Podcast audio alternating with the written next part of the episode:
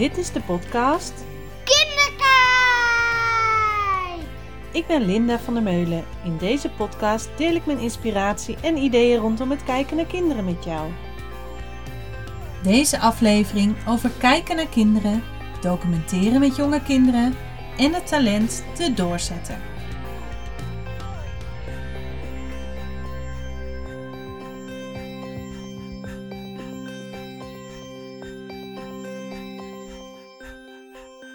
Welkom bij weer een allernieuwste podcastaflevering van Kinderkijk de podcast. Superleuk dat je weer luistert. En uh, ik kreeg laatst de vraag van uh, Linda, hoe zit jij er eigenlijk bij als je een podcast opneemt?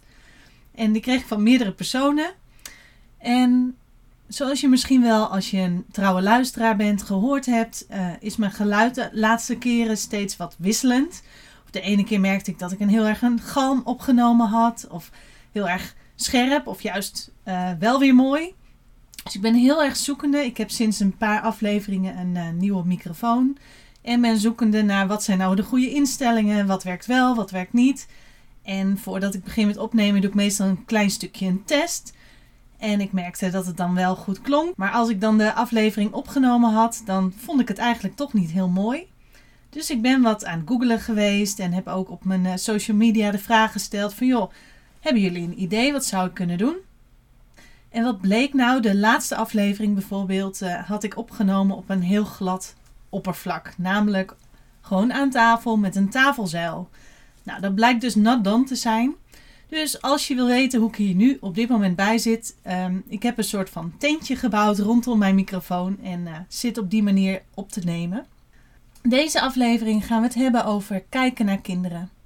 Dus waar kijk je naar? Wat zie je? Wat leg je vast? En wil ik je meenemen in wat het belang is van pedagogische documentatie. En dat gaan we doen aan de hand van het boek uh, Documenteren met jonge kinderen. Dat boek is een Nederlandse vertaling van een boek wat uit Italië komt. En zoals als je meerdere podcasts hebt geluisterd of mij kent en mijn uh, werkwijze kent, dan weet je dat de pedagogiek van Reggio Emilia, waar op basis van mijn uh, werk gebaseerd is, ook uit Italië komt. En pedagogische documentatie is daar ook echt een begrip. Dus daarom uh, wil ik je daarin vandaag in deze aflevering een stuk meenemen. Want als je met kinderen werkt of als je thuis kinderen hebt, dan zul je je wel beseffen dat kinderen continu in ontwikkeling zijn. Dat er heel veel gebeurt elke dag weer. Altijd nieuwe dingen, altijd nieuwe ideeën, nieuwe uitspraken, opmerkingen, ontwikkelingen. Kinderen zijn continu in beweging, in ontwikkeling. En doordat je met kinderen omgaat, word je zelf eigenlijk ook gedwongen om in beweging te blijven. Om uh, de ruimte te blijven aanpassen, om activiteiten te bedenken of aan te vullen of materialen uh, klaar te leggen die weer passend zijn bij de behoeften van de kinderen of bij de leeftijd of bij de ontwikkeling. En hoe weet je nou wat kinderen van jou nodig hebben? Dat weet je door heel goed te kijken. Heel goed te kijken, heel goed te luisteren, te zien wat er speelt, te zien welke behoeften de kinderen hebben, waar ze mee bezig zijn, wat ze raakt, wat ze nieuwsgierig maakt, wat ze willen onderzoeken. Dus dat kun je doen door heel goed te kijken naar de kinderen. En als je dan kijkt naar kinderen, waar let je dan op? Dus als je eens even bij jezelf nadenkt, waar kijk jij naar als jij naar kinderen kijkt? Nou, als je daar eens even bij stilstaat of stil hebt gestaan, dan is het vooral ook belangrijk om je bewust te zijn dat iedereen een andere focus heeft. Waar de een misschien heel erg let op hoe kinderen spelen, let de ander meer op wat kinderen doen met hun handen, let weer een ander meer op wat ze zeggen, wat ze doen. En je kan niet naar dat alles tegelijk kijken. Wat je daarbij kan helpen is dus pedagogische documentatie. En documentatie is het vastleggen van processen. Dus het proces van hoe iets gebeurt. Dus het is niet zozeer een, uh, dat je kinderen een knutselwerkje laat maken en het eindresultaat vastlegt. Maar het gaat meer om wat doet het kind? Hoe doet hij dat? Wat zegt hij? Wat doet hij? Hoe kijkt hij? Alles wat je maar ziet, schrijf je op. Dus het is eigenlijk van belang dat jij als pedagogisch medewerker of als ouder of als leerkracht een stapje naar achter doet en gaat kijken naar het kind. Wat laat dit kind zien? En het kan ook een groep kinderen zijn. Dus dat je een bepaalde focus kiest van wat laten deze kinderen zien. Als ik uh, naar mezelf kijk, is dit um, een vast onderdeel van wie ik ben, maar ook van mijn werkwijze in de kinderopvang, maar ook van mij als moeder. Ik merkte bijvoorbeeld um, toen Isa een jaar was, of eigenlijk nog baby was, toen hield ik altijd zo'n eerstejaarboek bij. En daarin word je eigenlijk gedwongen om regelmatig te kijken naar het kind en dat je dingen opschrijft qua ontwikkeling, want in dat eerste jaar gebeurt er heel veel. En toen ze bijna een jaar was en dat boek dus bijna vol was, toen dacht ik ja, en nu? Want er zijn eigenlijk niet echt boeken op de markt van af een jaar. Of um, ja, wel algemenere boeken, maar dat was ook niet helemaal wat ik zocht. Dus wat ik toen gedaan heb, is um, ik heb een agenda gekocht waarin ik dus de bijzondere dingen rondom Isa opschreef. En ook de ruimte had om foto's bijvoorbeeld in te plakken van momenten die we beleefden of van uh, bijzondere dingen die ze deed. Dus de hele dag door maakte ik al verschillende foto's, maar die kregen nu ook een plekje. En als je dus um, zo'n boek hebt waar je herinneringen in kan stoppen, waarin je uitspraken kan stoppen, dan heb je ook iets om weer terug te kunnen kijken. Maar ik merkte ook, als ik dat dan een poosje niet gedaan had, dat ik dan heel erg achter de feiten aanliep en dacht van ja, maar hoe, hoe deed ze dat toen ook alweer? Want ik merkte, ik schreef dan één keer in de week de dingen op uh, die ze deed, die we samen gedaan hadden, de ontwikkelingen die ze liet zien, of uitspraken die ze had, woordjes die ze kon zeggen bijvoorbeeld. En zo aan het eind van de week wist ik heel vaak niet meer wat ze bijvoorbeeld aan het begin van de week gedaan had. En dat is wel echt het belang van goed documenteren, is dat je het op dat moment doet. Dus toen ben ik gaan zoeken naar een vorm die daarbij past. Dus schreef ik als ze een leuke uitspraak had of iets bijzonders wat ik niet mocht vergeten, dan typte ik dat direct in in de notities van mijn telefoon, zodat ik het niet meer zou vergeten. En dat hielp mij heel erg in het bijhouden van die documentatie rondom Isa. Wat ik daarnaast ook nog deed, is één keer in de, nou, minimaal één keer in de maand, maar ook bij bijzondere dingen of als ze echt iets heel leuks liet zien, filmpjes maken. En dan zo aan het eind van het jaar dacht ik, ja, die filmpjes, je kijkt ze soms eens terug, maar ook niet altijd. Dus vanaf haar eerste verjaardag ben ik ook een film gaan maken van die filmpjes. Dus dan sloeg ik alle filmpjes op die op mijn telefoon stonden. Want met de telefoon maakte het makkelijkste filmpjes. En op die manier, via het filmprogramma op mijn computer, maakte ik dan een film van wat er allemaal gebeurd was dat jaar. En toen begin dit jaar we in lockdown kwamen, waar we nu eigenlijk ook weer middenin zitten, besefte ik me dat je niet alles altijd kan doen. En dat stukje documenteren, dit is natuurlijk mijn, verhaal van mij als moeder, maar ik merk dat ook in mijn werk, dus in de kinderopvang, dat je niet altijd alles in de volle 100% kan doen. Hoe graag je ook wil, hoe graag je wil kijken naar de kinderen, je kan niet altijd alles zien. En je kan ook niet, als je op een peutergroep werkt met 16 peuters, van alle 16 precies weten wat ze op welk moment gedaan hebben. Je moet af en toe een focus kiezen. En documentatie kan daar heel erg in ondersteunen. Maar ook keuzes daarin maken, want er zijn heel veel vormen van documenteren, vormen van vastleggen. Je kan kiezen voor individuele verslagen, je kan kiezen voor groepsverslagen, je kan kiezen voor ruwe observaties die je eventjes opschrijft en uh, zo ophangt. Je kan ze netjes uitwerken in een bepaald format. Je kan documentatie in de ruimte gebruiken, dus foto's en teksten in de ruimte, als een soort van geschiedenis van de groep, van de kinderen. Je kan zoveel met documentatie dat het soms echt wel heel lastig kiezen is en denken in de mogelijkheden. Dus daarom ben ik de workshop Kijken naar kinderen begonnen om mensen bewust te maken van het kijken naar kinderen, maar vooral in dit stuk een deel te triggeren. Dus vooral in wat vind jij belangrijk? Waar wil je naar kijken? Wat wil je zien? En ik merk zelf, door te gaan kijken naar de kinderen, ga je ook op een andere manier activiteiten aanbieden. Want als je een kind ziet en ziet wat, er, wat een kind doet, dan weet je ook veel beter wat het kind nodig heeft. Dus wat jij aan materialen kan bieden, wat je aan activiteiten kan bieden, wat je aan begeleiding wel of niet kan bieden. Dus hoeveel kan een kind al zelf als jij een stapje terug doet? Als jij niet ingrijpt of als jij niet begeleidt, maar letterlijk even je handen ervan af, ga eens kijken en letterlijk opschrijven wat zie je gebeuren als jij er niet tussen zit als volwassene. Dus dat wil ik jou vragen om eens te gaan proberen. En helemaal de komende tijd, als we weer meer in de gezinssetting zijn of in kleinere groepjes in de kinderopvang met alleen de noodopvang, dan heb je ook tijd en ruimte om te kijken naar de kinderen. Omdat ze in een kleinere setting zijn.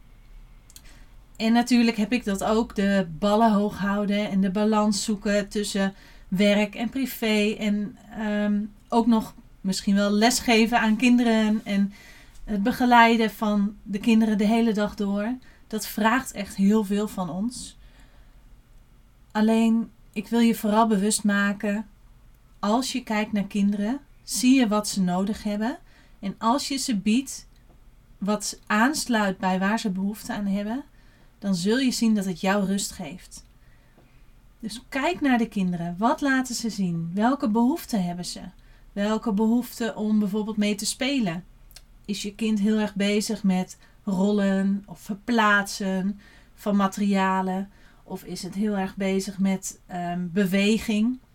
Of is het heel erg bezig met het onderzoeken van kleine beestjes bijvoorbeeld? Of het onderzoeken van hoe iets in elkaar zit? Ga eens kijken, wat laat het kind zien en hoe kan jij daarop aansluiten?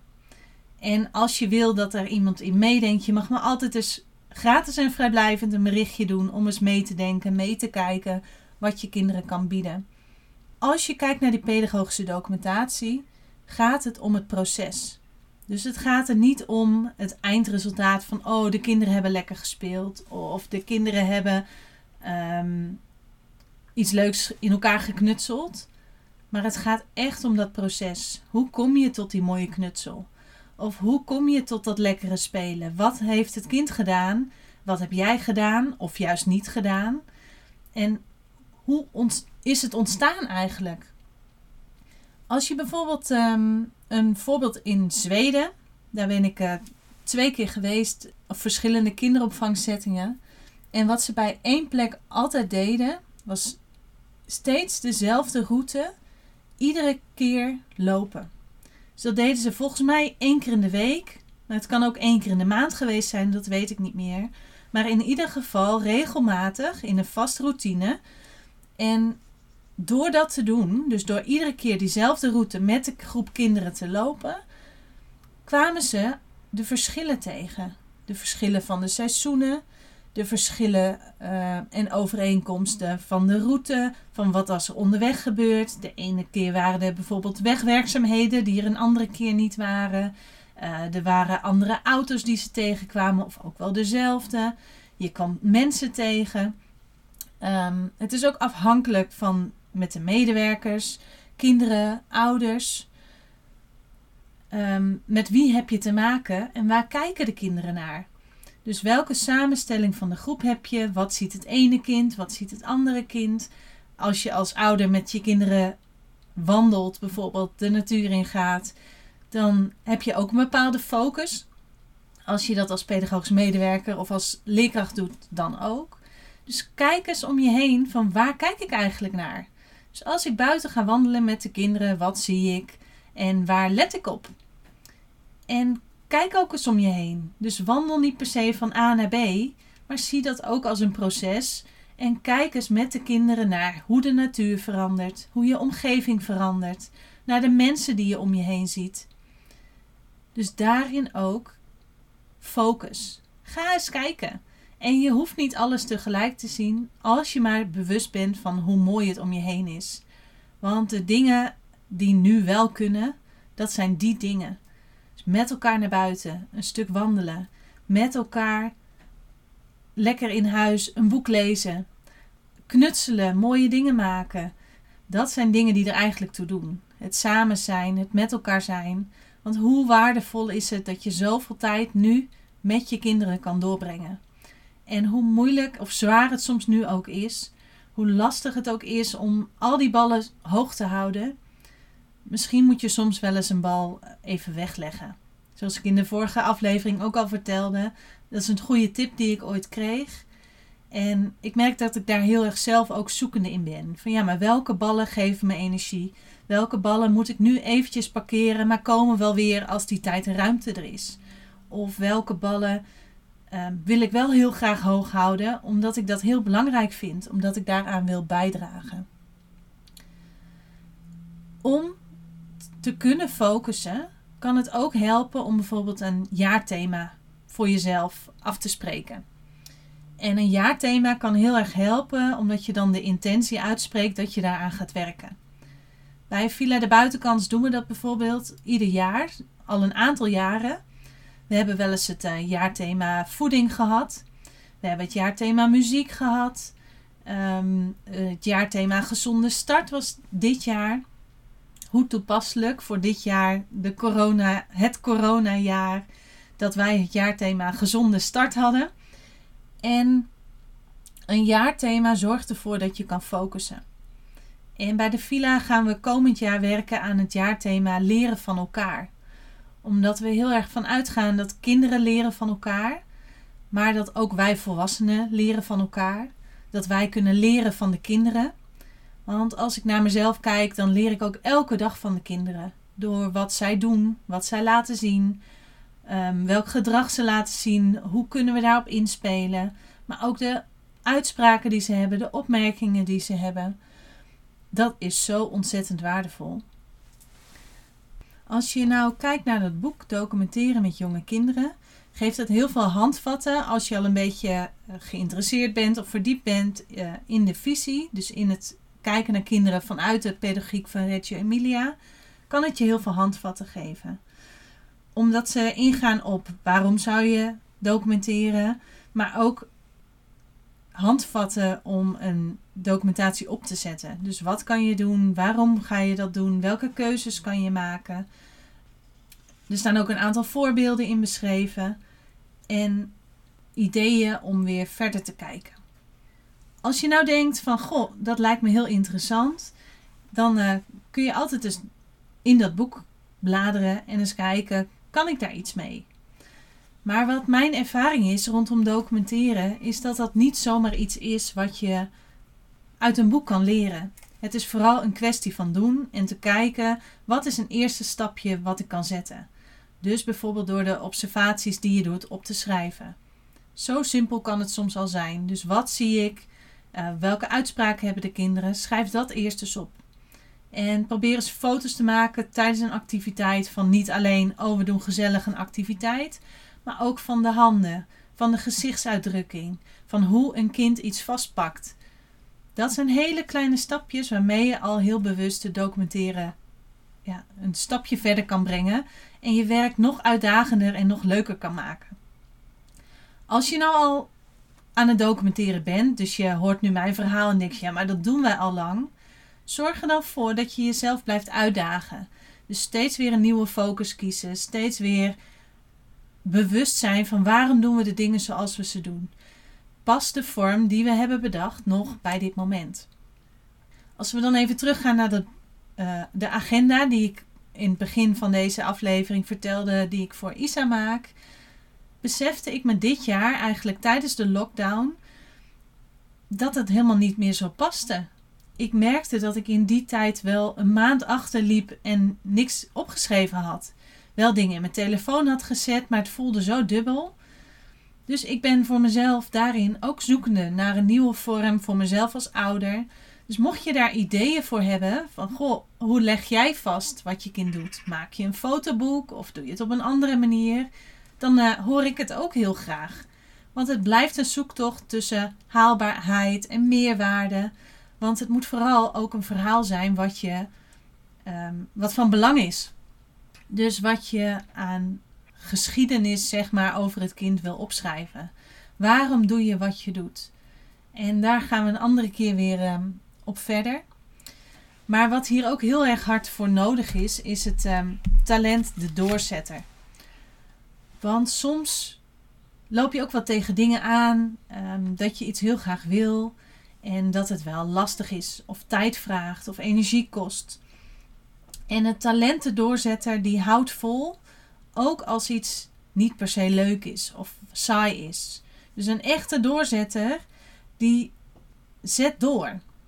Die is blij als hij iets waar hij heel lang aan gewerkt heeft, als dat klaar is, als je dat kan afronden. En een doorzetter kan dus ook heel lang aan iets werken, met alle aandacht een hele grote opdracht maken. En wat doorzetters, wat hun geheim meestal is, wat ze vaak doen, is de grote klus opdelen in kleine stukjes en die stap voor stap afmaken. Waardoor een grote klus heel overzichtelijk en kleiner wordt. Nou, wat voor zo'n doorzetter de ideale omgeving is, is een omgeving waar dat ook gewaardeerd wordt, dat je doorzet. Dat je door kan werken, dus dat je niet steeds afgeleid wordt bijvoorbeeld. En een doorzetter heeft daarin ook ruimte nodig om zijn eigen gang te kunnen gaan. Wat tips zijn voor de doorzetter is nadenken over is het nodig wat je doet. Dus waarom doe je de dingen zoals je ze doet? Moet je het zelf doen? Of kan het misschien makkelijker? Of hoef je het helemaal misschien helemaal niet te doen? Wat de doorzetter ook moet beseffen is de andere taken niet uit het oog verliezen.